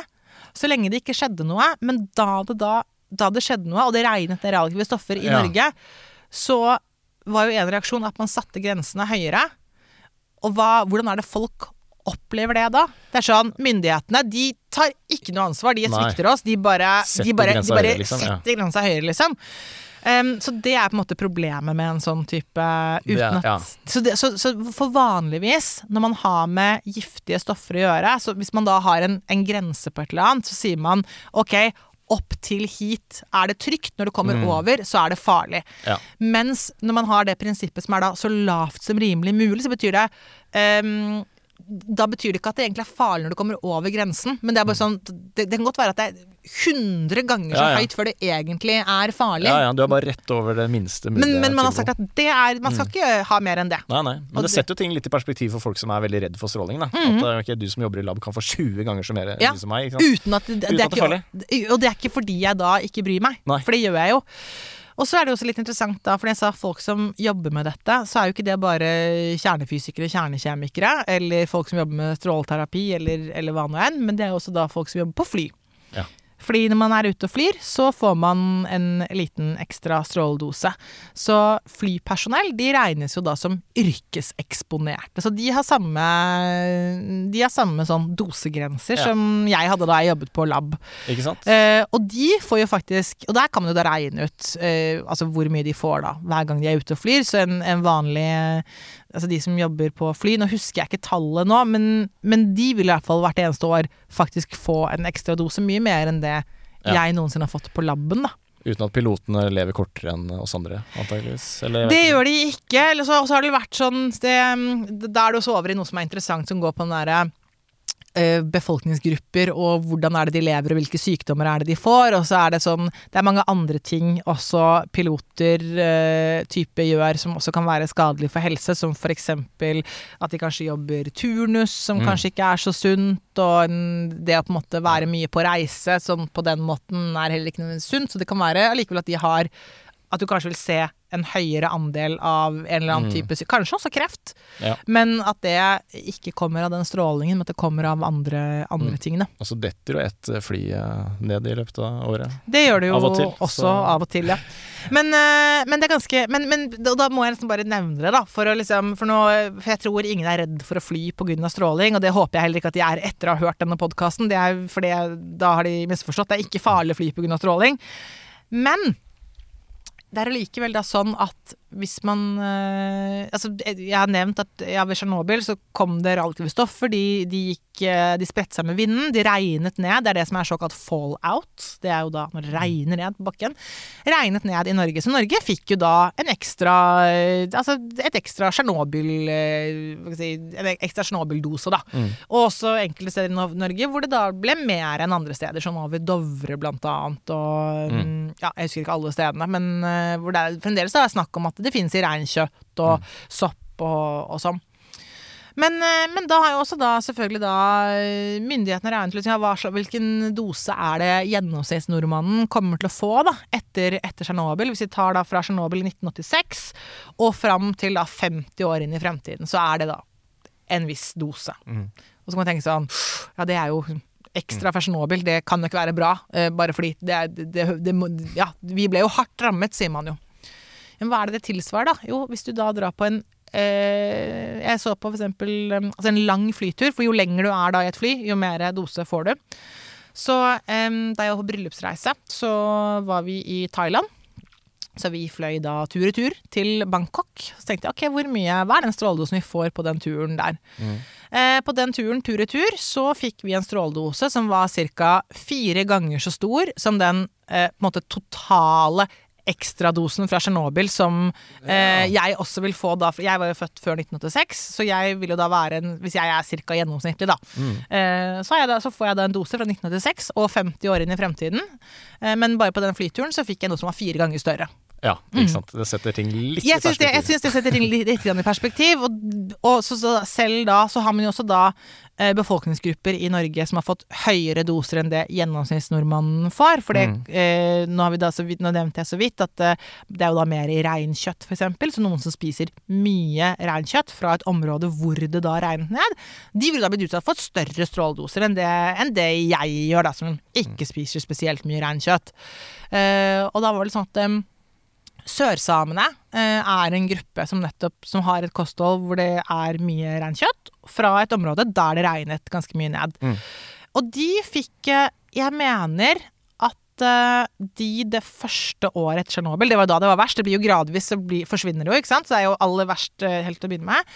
Da tror jeg de fikk noe sånn som to millisievert eller noe sånn ekstra per år. Det er ikke mer, vet du. Men det er ikke mer, men det er likevel regnes som mye. Ja, ja. Eh, så, så, det, og det er det som er vanskelig med begrepet mye og lite. Fordi mye og lite, det, kan, det kommer helt an på mye og lite i forhold til hva. Hva, det er langt under farlig grense, da. Ja, langt under det du ville vært, ha lov til å få. Og som en liksom, gjennomsnittlig eh, flypersonell får mer enn Mener jeg får mer enn to millisievert per år. Det må jeg dobbeltsjekke, men det mener jeg at man får. Men i hvert fall, så de, så de fikk jo da eh, 100% da, eh, over det de egentlig har lov til å bli utsatt for. Og når jeg Ja. sier 100 mer, så er det sånn Shit, det er jo mye. Ja. Um, eh, men, og de har jo da blitt veldig nøye eh, fulgt opp, Eh, og man har testet dem. Og per i dag, når det nå er sånn ca. 35 år etter ulykken, så har man ikke sett noen økning i kreftforekomster. man har ikke sett noe økning i fosterskader eller andre typer eh, problemer som man på en måte som, eh, som, den, som stråling kan på en måte føre med seg, eller eventuelt teoretisk kan føre med seg. Ja. Så man begynner å sitte på fasiten nå, at eh, det ja, gikk altså bra. Konsekvensen og implikasjonene av Tsjernobyl er ikke så svære som Ja. det man Så- det kunne bli. da. Absolutt. Og, og det er klart, men det visste man jo ikke da i 1986, fordi da Nei, hadde nei. man jo ikke det. Sånn sett, så så jeg, jeg har ingen problemer med å forstå at Tsjernobyl Satt var ekstremt skremmende. Jeg var bare to år, så jeg husker det jo ikke. Men, så, så dette er ikke for å på en måte latterliggjøre nei. de følelsene eller noe, men jeg likevel er det viktig å sette ting i perspektiv, da. Ja, ja, Men apropos det med følelser, for det her føler jeg handler om eh, kanskje litt mangel på kunnskap. da. Ja. Og at grunnen til at mange har veldig aversjoner mot kjernekraft, er jo kanskje det med at man er redd for konsekvensene av Ja. strålingen hvis Ja. det går gærent.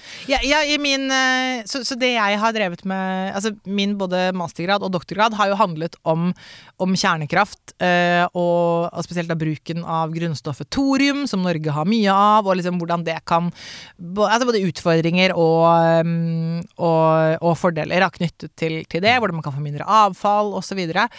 Eh, og, og det har jo da ført til det at jeg har holdt på med det som tema, har jo da ført til at veldig mye av den formidlingen som jeg har gjort, da, som vitenskaps- og teknologitolk, har jo handlet mye om å snakke om kjernekraft. Det har jeg også skrevet mye om på denne bloggen min. Og, og, jeg har fått da utrolig mange spørsmål fra jeg møter jo folk hele tiden. Og, og folk spør om ting, og de kan være Og de, ja, de har, har sine greier.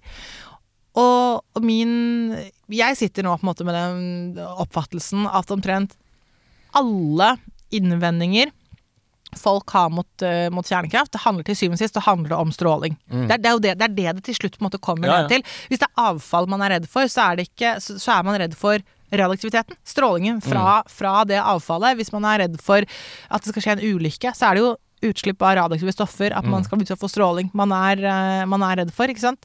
Så um... Ja, så, I går så, så jeg den, en dokumentar som heter uh, Pandoras uh, Pandora's Promise. Promise. Yes. Har du sett den?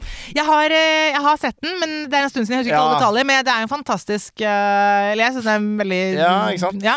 Jeg var, har jo vært litt sånn halvpro kjernekraft, og så leste jeg boka di, så ble jeg enda mer pro kjernekraft. Okay, ja. Og så så jeg den dokumentaren, og så ble jeg helt uh, team kjernekraft.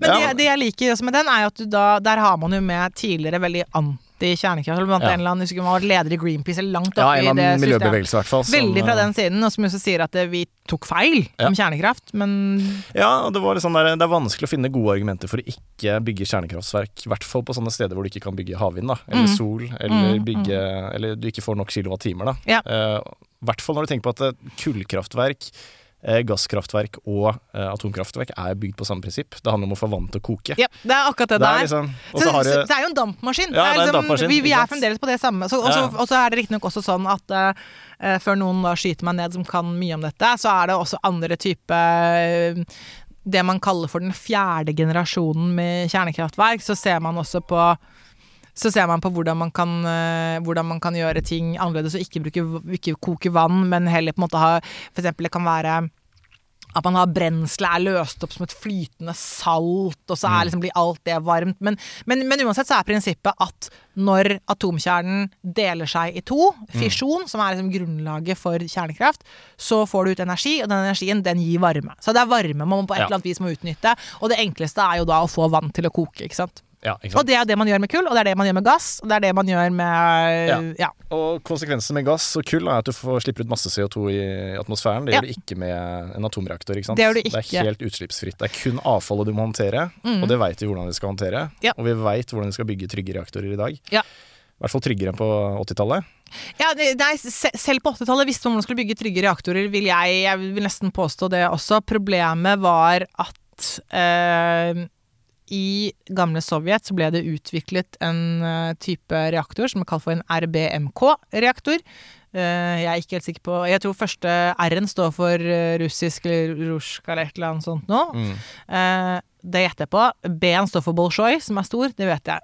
Men iallfall RBMK-reaktoren. Som var da det samme type som det, Altså Tsjernobyl var en RBMK-reaktor. Og den hadde veldig mye spennende og bra med seg. Den var for eksempel så var den veldig økonomisk i drift. Du kunne ha liksom eh, veldig, eh, veldig lavt anriket brensel, som da gjør det billig og enkelt. Og så, eh, men så hadde den også det ved seg at eh, den var en veldig velegnet reaktor for å lage våpenplutonium. Og Ja. dette var i 1986. Så det var under den kalde krigen, og da har du USA på den ene siden, Sovjet på den andre siden. Så da kan man jo stille seg et spørsmål om kanskje hensynet til å også ha noe man kunne lage i våpenplutonium. Veide Eh, litt tyngre enn ja. eh, og jeg vet at det ble også de reaktorene brukt til. Det ble Ja. de eh, Ja, det, det ble de brukt til. Um, så det var mer det at du fikk produsert våpenplutonium, og så fikk du ja, produsert Lage litt strøm på siden, liksom. strøm på siden. Ja.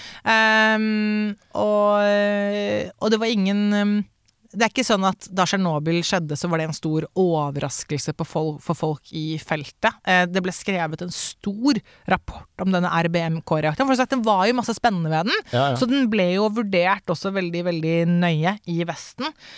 Um, og denne rapporten den ble eh, sluppet ut i mars 1986. Eh, Tsjernobyl-ulykken skjedde 26. april 1986, så ca. en måned i forveien. Og der var en av konklusjonene at det liksom, til tross for at det er veldig veldig mye interessant og bra med denne reaktoren, så kommer den aldri til å bli bygget i Vesten, for den har noen store sikkerhetsmessige problemer ved seg. Ja. Og det er liksom Det er helt utelukket. Og det var nøyaktig det som da Skjedde. dessverre eh, skjedde. Så man visste det at eh, Tsjernobyl-reaktoren Når jeg sier mann, så vet ikke jeg om de som jobbet på kraftverket Jeg vet ikke hva de visste. Nei, det, det okay. aner jeg ikke. Men noen Eh, visste i hvert fall. ja, så noen visste. Ja. Jeg har snakket med, med folk på IFE, på Kjeller, altså på den forskningsreaktoren som vi har her, eller, her i Norge, som også jobbet i feltet i 1906. De sier vi ikke bare ventet på at det skulle gå og skje Ja, okay, et eller annet. Um, Det er eh, nesten sånn der kinosyndrom av Tree Man Island, at den filmen kom ut først, og så skjer det samme rett etterpå. Ja, det, selv om her er det nok enda mer sånn liksom at når man vet at det, d- denne reaktoren, det, det kan det skje med. Ja, okay, og, ja. Ja. Um, så, så man visste at den reaktoren, den var, den var konstruert på en sånn måte at hvis den hadde veldig, veldig lav Hvis den ble drevet på lav effekt, sånn Mm. man skrudde den nesten av, men ikke helt, da ble den veldig, veldig ustabil. Og da kunne du eh, få en sånn type eksplosiv varmeutvikling. Mm. Og må jeg når jeg sier eksplosiv her, så har det ingenting å gjøre med en atomeksplosjon å gjøre. Tsjernobyl var ingen Nei, det- Tror jeg mange har misforstått. Ja, meg inkludert. Ja, og det er litt viktig fordi at eh, Tsjernobyl var svært alvorlig. Jeg skal ikke prøve å late som noe annet, men det var ingen atombombe. Eh, når du tar og sprenger liksom, Hiroshima og Nagasaki, så snakker vi 200 000 mennesker døde eh, momentant. Med Tsjernobyl så har du en ja, en alvorlig ulykke. Det er ikke bra, eh, på ingen måte bra, når, eh, når reaktoren din eh, eksploderer, og det ligger da, ligger da biter av reaktorbrensel ligger rundt på bakken, og du får spredd stoffer som sprer seg ut av Europa osv. Mm. Selvfølgelig er ikke det bra. Men det, det er ikke en atombombe i Nei. det hele tatt. Og, eh, og det er jo da også sånn at faktisk som en sånn direkte konsekvent av, konsekvens av stråling, så er det under 100 stykker som døde direkte av Tsjernobyl. Det er selvfølgelig Ja. allikevel altfor mange. Det skulle ikke vært noen i det hele tatt. Men det er under 100 som døde av en direkte konsekvens. Og så er det da sånn at det er ganske mange mennesker i Altså de som måtte bodde rundt da i Hviterussland og i Ukraina. Eh, lå jo da i, rett utenfor Kiev, eh, som jo er hovedstaden i Ukraina. Eh, der var det mennesker og Man vet jo da hva er det som regnet ned der. Hva, og da er det ikke så veldig vanskelig å finne ut hva slags stråledoser er det det vil gi til folk. Og da igjen da, selv om vi på en måte kan kalle det for høye stråledoser og Da er vi tilbake til hva betyr høy og lav, eller hva betyr mye og lite. Så var det høy sammenlignet med hva er det de vanligvis fikk i seg. Ja. Men ikke høy sammenlignet med da disse brannmennene som gikk inn og Nei. liksom sto i dritten. Så, så de stråledosene folk flest, altså da folk flest av de som på en måte ble rammet hardt, det er likevel stråledoser som da tilsvarer kanskje at de fikk eh, dobbelt mellom, mellom kanskje to til fire ganger vanlig årlig dose eh, de Ja. første årene. Så på en måte Så det, ja, det, det er mange ganger det de vanligvis får, men det man vanligvis får er veldig, veldig lavt. Så Ja. ja. Så de kunne kanskje også bodd i Tsjernobyl-området hvis uh, myndighetene hadde godtatt det? da? Det er det faktisk folk som argumenterer for, og det kommer nok helt sikkert ikke til å skje. Men, uh, men generelle strålenivået i Tsjernobyl er egentlig Altså det fins mange steder i verden som har høyere strålenivåer, helt naturlig. Og det, Ja, er litt, det er litt interessant. Eh, blant annet er det et område i Iran som heter Ramsar. Og der er det nettopp, nettopp pga. geologien at det er mye uran og thorium og sånn i bakken. Så der lurer jeg på om de mest ekstreme stedene der, så er de årlige strålenivåene på 100 millisievert. Snakker, altså, så, så da snakker vi Ja, ja. 100 ganger høyere Ja. enn det du og jeg har, har lov til å bli utsatt for hvert eneste år. Fem ganger høyere enn det en som er yrkeseksponert har lov til å bli utsatt for Ja. eneste år. Og der også, for dette er jo kjempespennende for, for forskere. Fordi her bor det folk, og dette er på en måte Mm. Dette er fra naturens side. Sånn, sånn er det. Veldig interessant å se på. Oi, hvordan går det med helsen til disse menneskene Mm. her? Og der heller så ser man heller ikke noe økning i kreft. Eller Nei. i fosterskader. Eller de, den type Vi tåler en del, altså. vi tåler nok mer. Og så kan man jo stille spørsmål, dette vet jeg ikke, om det er noe sånn at de på en måte har om de er tilpasset det? Om, om vi, Ja, ville vi blitt syke hvis Ja, det, det er vet jeg interessant, da. Det vet vi ikke. Så det, Men for meg det virker jo som at Eller det beviser jo på en måte at vi er veldig følelsesstyrt. da. Det vi er ikke så mye ekstremt Empiri og rasjonalitet som ligger til grunn for de avgjørelsene vi tar. alltid, Og, liksom. og, og men det er også ganske viktig, fordi at, for det tror jeg kanskje at mange eh, realister, teknologer, ingeniører, at eh, vi er veldig opptatt av fakta, og det, det skal man jo være, selvfølgelig. Men man, jeg tror man blir litt sånn på en måte Man tenker hvis man bare slår folk i hjel med fakta, da får Mm. Jo, man liksom ikke svar. det er Det er bare sånn det er, ikke sant? Men, det er at, men vi er vi er følelsesvesener. Det Mm. Ja. er også vi realister er også følelses... Men det, det er liksom at det Men det kan Det jo tror- gå utover klimaet nå, da. Nå bare drar jeg videre Ja, dit, da. Men det- det- det kode rød for menneskeheten. Ja, vi... så, så det er jo kjempeviktig, og jeg vet ikke helt hva som er den beste måten å gjøre det på, men jeg tror i hvert fall det er veldig viktig at man erkjenner at vi, uh, at vi er også styrt av følelser. Og da må jeg si en ting som jeg har opplevd med tilbake til den bloggingen og formidlingen jeg har gjort.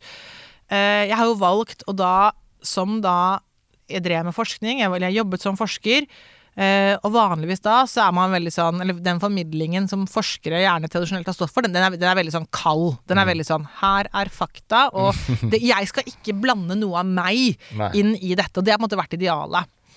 Eh, og, så, og det er selvfølgelig det er, det er et godt ideal i den forstand at eh, at ja, men hva jeg mener måte, Faktaene skal på en måte tale for seg selv, da. Det er jo egentlig en veldig bra ting. Men, men det jeg har sett, ved å på en måte fortelle ting veldig mye med en veldig personlig stemme, og generelt være personlig, og også dele liksom både 'her er fakta', og 'dette føler ikke sant? Mye mer sånn ja, personlig.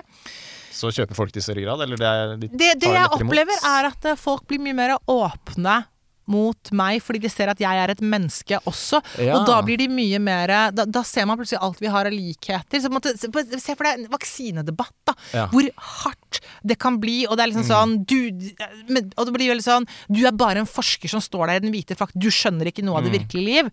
Mens jeg da like altså, var like mye da på en måte Ballettdanser som- Tidligere ballettdanser, alene med Alexandra på fire år. Er mamma, har liksom alle disse tingene her som gjør at det, Folk Men du og jeg, folk, folk er folk. Mm. Og hvis du skal snakke med folk du vil, du vil jo snakke med et menneske. Du vil ha en dialog. Og det er på en måte Jeg opplever at det åpnet opp for at folk fikk ned garden Ja. og ble interessert i å ha en dialog, og også fordi jeg faktisk oppriktig lytter til hva folk sier. Eh, og sier ikke at ikke andre forskere gjør det, uh, men, men jeg tror nok at man kanskje kan oppleve at det blir veldig sånn at, at liksom det er ikke så mye dialog der, og at man blir ikke lyttet til. Og Nei, at folk at du, sånn, Ja, du skjønner ikke hva jeg sliter med, på en måte. Nei, ja. Nei, men jeg er helt enig. Men ja.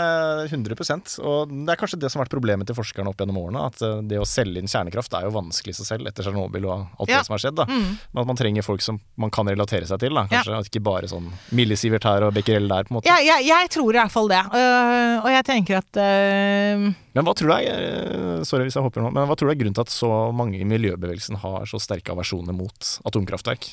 Ja, det syns jeg, det syns jeg faktisk er rart. Er det ikke litt rart? Jo, jeg syns det er rart. Uh, og, og jeg syns Ja, det, er såpass at jeg blir litt sånn Jeg kan ikke ta, jeg kan ikke ta det helt på alvor. Eh, hvis du faktisk er Altså, hvis du er så Redd eh, for klimaet, redd og så klima, har du en ubegrensa energikilde. men så er du 100% negativ til kjernekraft. Da Sorry, da, Nei, da, nei. da kutter jeg litt, litt av. Og, og, og da må jeg bare si kudos til MDG, som nå har åpnet mer for Ikke kjernekraft i Norge, men jeg syns det er greit. Jeg startet med å si at ja, men vet du hva, vi ser at kjernekraft er, Ja. er viktig i, i verden, og at de har begynt å bevege seg mer i den retningen. Så kan jeg håpe at de skal gå enda lenger, men det er et eh, Jeg syns det er bra, og jeg mener at det viser jo da nettopp at at de også da Jeg har ikke sendt på MDG, så, bare for, så, dette er ikke liksom, men, så, så dette er bare jeg som. Jeg gjorde det, de kom under sperregrensa. Så Ja. faen, altså. Nei, var Hadde de sagt ja til men- kjernekraft, så hadde de kommet men over. jeg, jeg syns det er kjempebra, fordi at det, sånn som jeg har opplevd dem tidligere, så har de vært mange som har vært negative, eller iallfall og så har de på en måte gradvis beveget seg i den retningen. Og Ja. det syns jeg alltid er kult, når, uh, Ja, når folk uh, på en måte det var Ja. på tide. Men har vi noe valg, tenker jeg nesten. Det er litt sånn, uh, men det blir en annen podkast, da. Den skal jeg ha med Bjørn Samset, forresten. Han er eh, Ja, ja, jeg kjenner godt til Bjørn Ja. Samset. Ja, ja, ja. Det er eh, Vi var på Vi jobbet jo på Eller ja, var jo på UiO samtidig. Han ligger noen år foran meg i, i løypa, men Ja. eh, mm. Nei, men du, du er pro kjernekraftverk. Ja, jeg er det. Men jeg må jo, det kan jeg si da, altså jeg har jo blitt uh, Bare for én uke siden så var jeg usikker, på en måte. Så jeg er en av liksom uh, Oi, og så, de. så, så, så leste du boken, og så så, så du Pandora's Promise. Det er fantastisk! Og så så jeg en del YouTube-videoer, og så tenkte jeg bare ok, nå skjønner jeg. Ja, Eh, her har vi ikke så mye valg, da. Så da, Så jeg skal ikke rakke ned på de som er, eh, de som er imot, altså. men da, ja, da håper jeg selvfølgelig også at alle som lytter, også vil, eh, vil Ja. kjøpe boken min 'Vi er stjernestøv'. Kjernefysikk for folk flest. Veldig fin bok, Så og veldig forseggjort. Det var ikke noe du har bare slengt sammen i en PDF og sendt til et trykkeri i Polen. Eh, nei, det er det ikke. Den har jeg jobbet veldig med. Og det var jo også da at jeg hadde en, på en, måte en drøm om at det skulle bli At jeg ville lage en bok om kjernefysikk, men som skal være på en, måte en coffee table-bok om kjernefysikk. Og det Ja, den Ja. er jo Og den er rosa! Den er rosa, den, Den er står rosa. ute i bokhylla. Ja, den, den gjør det. Den, vi er stjernestøv. Kjernefysikk for folk flest. Les den, så blir du plutselig mer positiv til eh, atomkraftverk. Lover. Takk for praten. eh, Tusen takk, det var veldig, veldig Jeg avbrøt deg nå. Skulle du si noe til slutt? Jeg, jeg skulle bare si det at det, det, det, er ikke, det kan at du også fremdeles er negativ, og det er også helt, helt greit. Eh, for det er jo ikke en bok om kjernekraft. du. Det er bare én del av det, men du Ja. kan i hvert fall Antagelig så kan du ganske mye mer om hva er egentlig stråling, og mer sånn eksempler på mye og lite, og hva betyr det egentlig? Og da er det lettere å ta stilling til kjernekraft, fordi nettopp når da de store innvendingene har å gjøre med frykt for stråling og stråledoser, og, så det, og hvis det eneste du egentlig vet om stråling, er at det, det kan iallfall være farlig, og hvem vet? Betyr dette mye eller lite? Jeg vet ikke. Selvfølgelig du er negativ da. Det, det, logiske og rasjonelle er jo egentlig da å være negativ, vil jeg da Mm. Så Les den og gjør opp din egen mening. Ja, akkurat. Tusen takk for praten. Tusen takk. Denne podkasten er produsert av Tid og lyst.